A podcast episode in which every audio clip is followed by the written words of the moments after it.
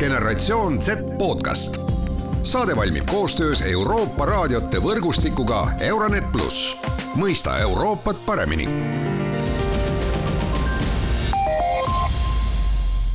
tere, head Genset taskuhäälingu kuulajad, tänases podcastis räägime Ukraina sõjast ja vaadetes sellele Eesti noorte poolt.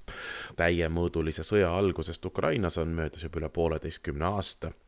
mul on hea meel, et äh, seda, kuidas praegu Eesti noored äh, sõjaolukorrale ja sõjaväsimusele otsa vaatavad, ongi minuga koos arutamas Tartu Ülikooli riigiteaduste tudeng endine ÜRO noordelegaat ja arengukoostöö ümarlaua huvikaitsespetsialist Linda Luts. alustuseks küsingi Linda käest, et äh, kas selline sõjaväsimus on Eesti ühiskonnas juba nähtav? absoluutselt ja tegelikult seda oli tunda juba enam-vähem nii-öelda kaks kuud pärast nagu sõja algust, siis tuli tegelikult nagu suurelt teemaks mentaalne tervis, et nägin ka enda sõprade pealt, et nii-öelda inimesed tüdinesid uudistest ja tegelikult omamoodi nii-öelda kaugeneti uudistest oligi tunda, et äh, nii-öelda ei tahetud seda negatiivset äh, uudist enam saada, mistõttu tekkis noortel selline tunne, et nad üldse ei loe uudiseid.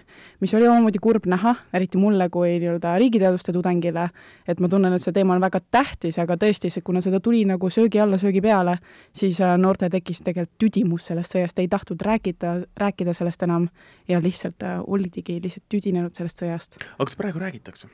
Räägitakse ikka, aga jällegi mitte sellel viisil nagu esimestel kuudel.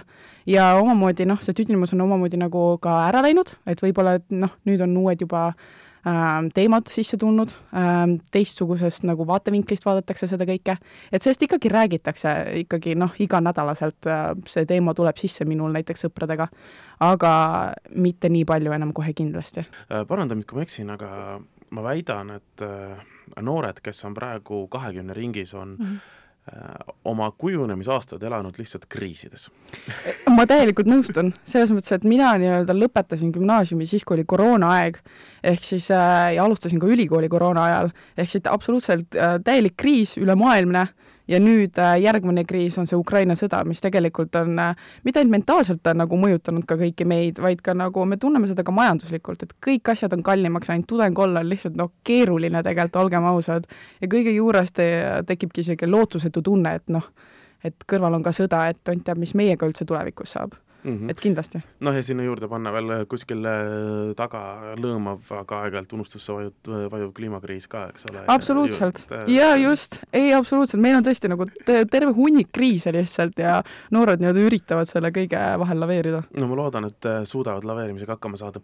Äh, vaatame, Slovakkia valimised olid just, võitis mm. äärmus vasakpoolne partei ja, ja võitis jällegi osaliselt sõnumitega, et ärme rohkem, me ei pea nii palju Ukrainat aitama, meil on enda inimesed äh, ka ikkagi äh, hädas ja me peaksime rohkem ressursse siia suunama.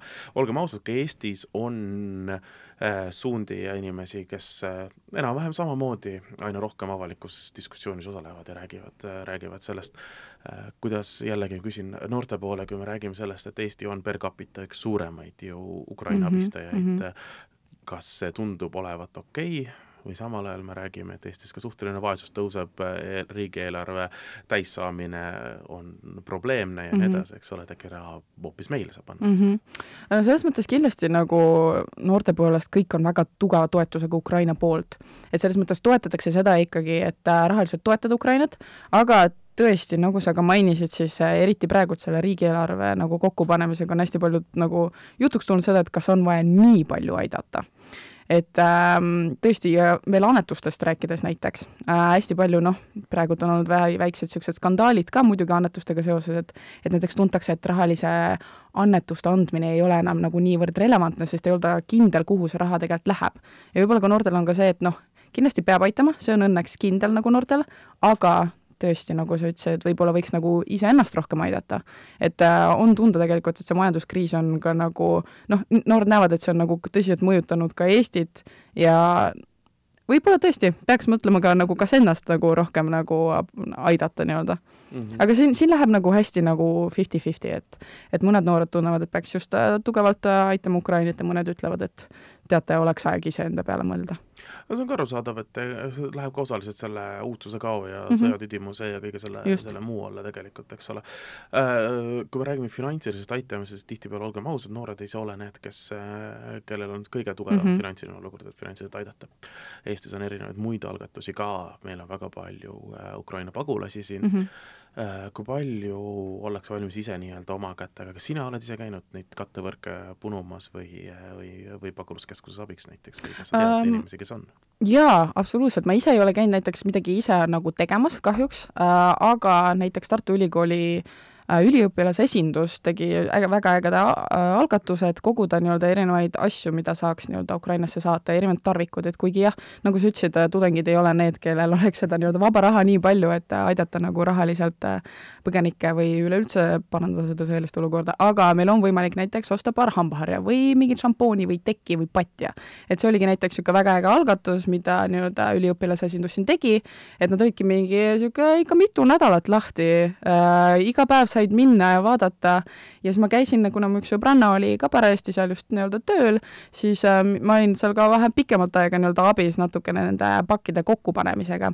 ja tõesti nii tore oli näha, et kui palju tegelikult tudengeid tuli ja kui palju neid asju ikka toodi, et no tõesti suurte autode kaupa ikka saadeti seda nagu välja, et tegelikult tudengid hea meelega panustavad ja aitavad ja üleüldse noored, aga jah, võib-olla ressursid ei ole nagu kõige suuremad. no siis ongi see, et kui sul ei ole raha, mida panustada, panusta aega. jah, just, just, just, täpselt, jah. Äh, no tegelikult sa enne mainisid ka selle, selle osa ära, et kuna on sõda, siis meil on Eestis ka teatav ebakindlus, teatav ebakindlus just selles osas, et noh, ka meil on seesama naaber, kes, kes sinna sõtta läks, eks ole. kui tugevalt see ebakindlus praegu üleüldse, üldse välja kumab mm? -hmm no tegelikult ikka, ma ei tea, vahepeal nagu nüüd on need jutud võib-olla nagu väiksemaks jäänud, aga tõesti, kui sõda algas, siis tegelikult iga kord, kui ma sain sõpradega kokku, põhimõtteliselt tekkis see jutt, et et mis teie teeks, kui nüüd sõda algaks siin Eestis, et tegelikult see hirm oli ikka päris tugev, et nagu näha, et nagu Venemaa läks niimoodi Ukrainale nagu Äh, peale ja tegelikult noh, peaaegu noh, poolteist aastat on nüüd möödas, et tegelikult miskit ei ole muutunud, et tekkis ka hirm, et nagu mis juhtub, kui meie oleme järgmised ja tegelikult ma mäletan ka, et Venemaa mingitel kanalitel olid juba plaanid, kuidas Balti nagu maasid nagu rünnatakse. et kogu selle nägemine kindlasti tekkis rohkem nagu hirmu ja hästi palju oli tõesti jutus, et kes läheks ära, kes jääks, mida teha, kas kellelgi on üldse varuseid, nii finantsilises mõttes kui ka nagu konservide mõttes. ma mäletan ka, et ma elasin tol hetkel enda sõbrannadega, me varusime endale veetünne näiteks või noh, neid sellise viieliitriseid, no igaks juhuks, sest et tont teab, et tegelikult kõikidel oli see nagu mõte taga kuklas, et, et noh, ei tea kunagi, aga tegelikult ikka usutakse NATO-sse ja Euroopa Liitu nagu päris palju. et kuigi hirm on olemas, siis nagu kuidagi tunne on, et nagu me oleme ikka kaitstud mm. -hmm. aga praeguseks on paremaks läinud, saan aru? jaa, ma arvan küll nagu, ma ei, ma ei oskagi seletada, miks, aga kuidagi jah, võib-olla on sellega pärast, et noh, nähakse, et kogu ressurss läheb ikka Ukraina peale, et ju siis neil ei ole aega ega viitsimist meiega tegeleda seda on, on ka meedias ja mujal tegelikult varem räägitud, eks ole, et Eesti mm -hmm. puhul äh, nii kaua, kui sõda seal kestab, nii kaua seal loomulikult ei saa meil kesta, mis on ju positiivne, samal ajal äärmiselt negatiivne, et sõja, sõda seal kauem kestma peaks üleüldse, eks ole. absoluutselt. olgem ausad mm. -hmm. sina riigiteaduste tudengina, kui palju üleüldse ka, kas ja kui palju ka ülikoolis äh, seda teemat, äh, ma mõtlen just õppejõudude poole pealt, puudutatakse? Mm, ikkagi tegelikult hästi palju. no tõesti, no väga paljud näited tulevad ikka Ukraina pealt, kui me räägime mingitest erinevatest teooriatest või sõjaolukordadest, ikkagi räägime ka Ukrainast tihtipeale arengukoostööst, isegi kui me räägime kliimakriisist, siis me räägime ka sellest, äh, milline suur nagu tegelikult probleem on äh, läbi sõja, sest see sõda on tekitanud tohutu nagu kliimajälje tegelikult. et ei, see Ukraina teema on ikkagi igal pool sees, võib-olla mitte kõikides ainetesse ei saa seda sisse tuua ja, ja ikkagi ülikool jätkab nii-öelda enda tavalise nii-öelda kurikulumi ma ei teagi, kuidas see eesti keeles on, aga õppekava, õppekava jälgimist, aga tõesti, Ukraina on igal pool teemas. Ja seda näiteks kajastab ka äh, lõputööde nii-öelda teemad, et hästi paljud lõputööd on tegelikult seotud selle Ukraina sõjaga või selle ümber olevate nii-öelda teemadega. kui sina räägid oma sõprade-sõbrannadega ja, ja räägime Ukraina tulevikust, siis äh, kas see vaade ja arvamus, et äh, ei ole teist varianti kui see, et Ukraina võidab selle sõja, on, kas see on prevaleeriv?